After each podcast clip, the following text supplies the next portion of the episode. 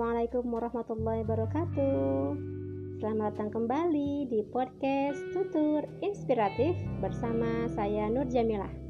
Kali ini saya akan berkisah yang diambil dari salah satu buku berjudul Perempuan Kertas karya Alga Biru dan Safia Stipani.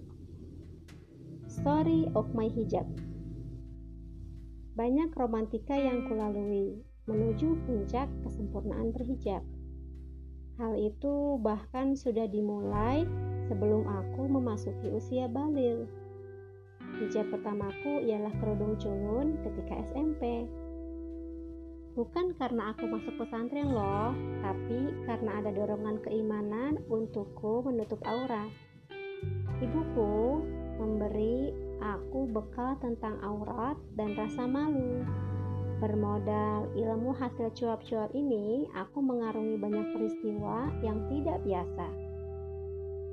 Masih terhitung dengan jari siswa SMP yang menutup aurat di sekolahku.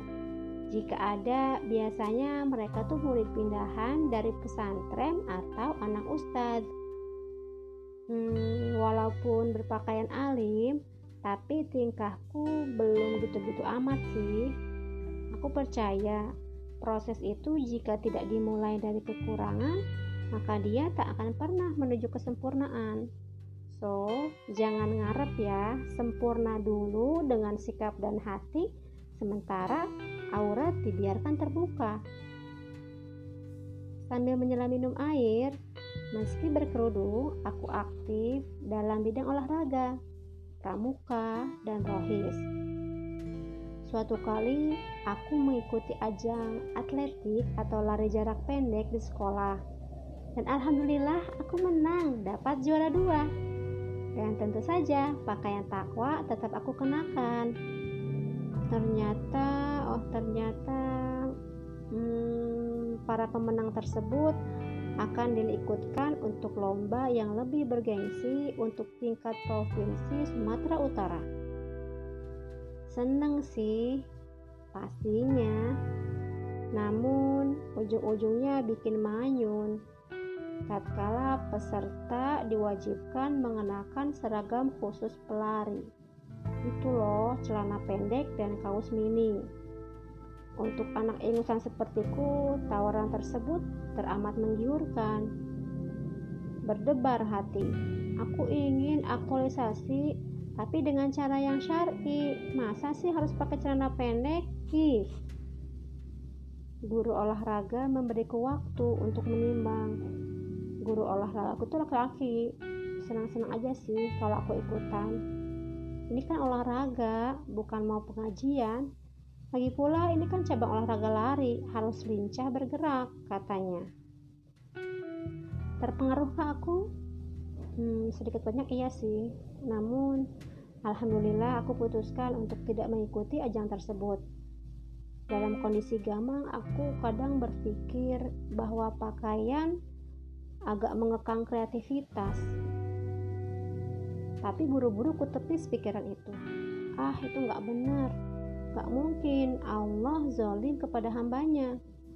Aku berjuang mencari kemuliaan dari hukum Allah yang satu ini. Lantas, usaikah cobaan hidupku? Tidak. Suatu siang yang terik, aku asyik menonton anak-anak perempuan seusiaku latihan pemandu sorak atau cheerleader. Sudah pemandangan umum, pakaiannya pasti seksi-seksi. Salah satu mereka malah sehari-harinya mengenakan kerudung seperti itu. What? Yap, kerudung bongkar pasang. Melihat aku nganggur dan cuma nonton, eh aku malah diajak untuk gabung.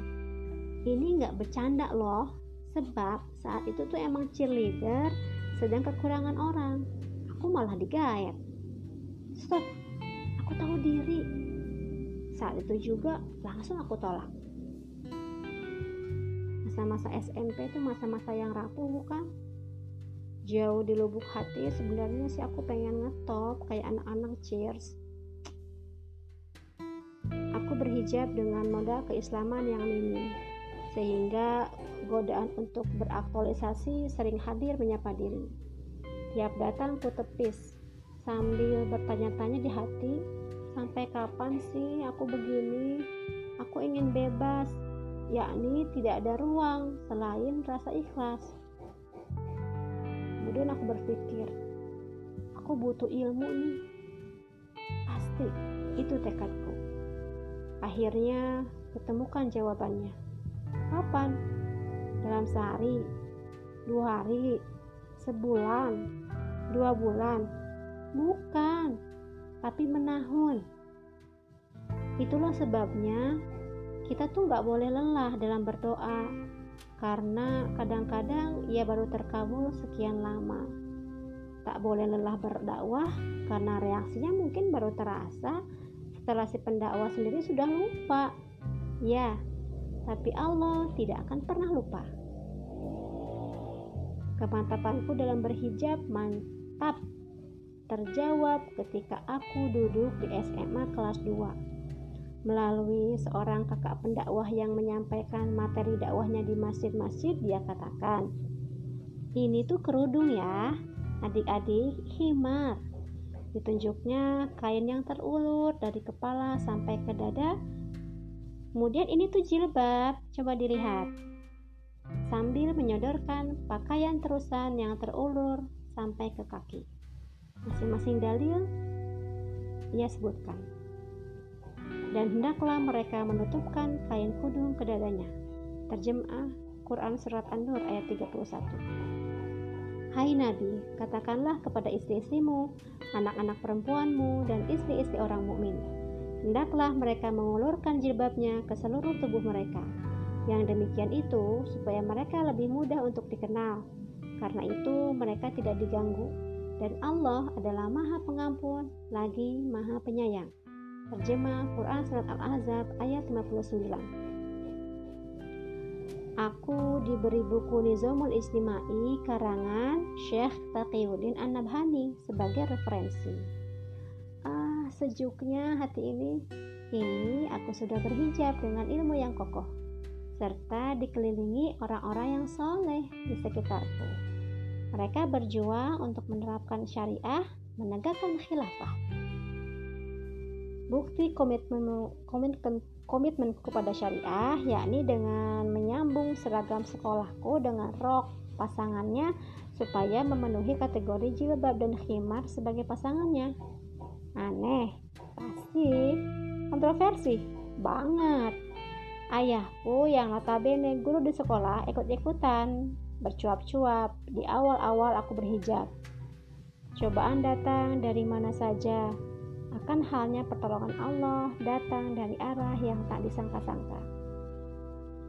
Keterasingan tetap kurasakan, apalagi cuma aku sendiri di sekolahan yang pakai seragam seperti itu. Berat juga sih aku rasakan, tapi jurus husnudan kepada Allah selalu memotivasi. Sampai detik ini, apa pun cobaan yang datang, dibawa nyantai aja sih. Dan pasrah kepadanya. Salah satu yang berkesan pula waktu momen perpisahan SMA, sekolah mengadakan outbound ke dataran tinggi Brastagi. Alhamdulillah, meski celaan dan nada-nada heran menerpa, aku lanjut outbound dengan jilbab atau baju terusan. Bahkan aku termasuk peserta tercepat. Nah, mudah-mudahan perjalanan kisah ini membuatku layak mendapatkan tiket ke surga. Aku takkan sanggup di nerakamu ya Allah. And for all muslimah, tutupi tubuhmu dengan jilbab dan khimar ya, sebelum kain kafan menyelimuti tubuh yang tanpa nyawa. I love you full. Assalamualaikum warahmatullahi wabarakatuh.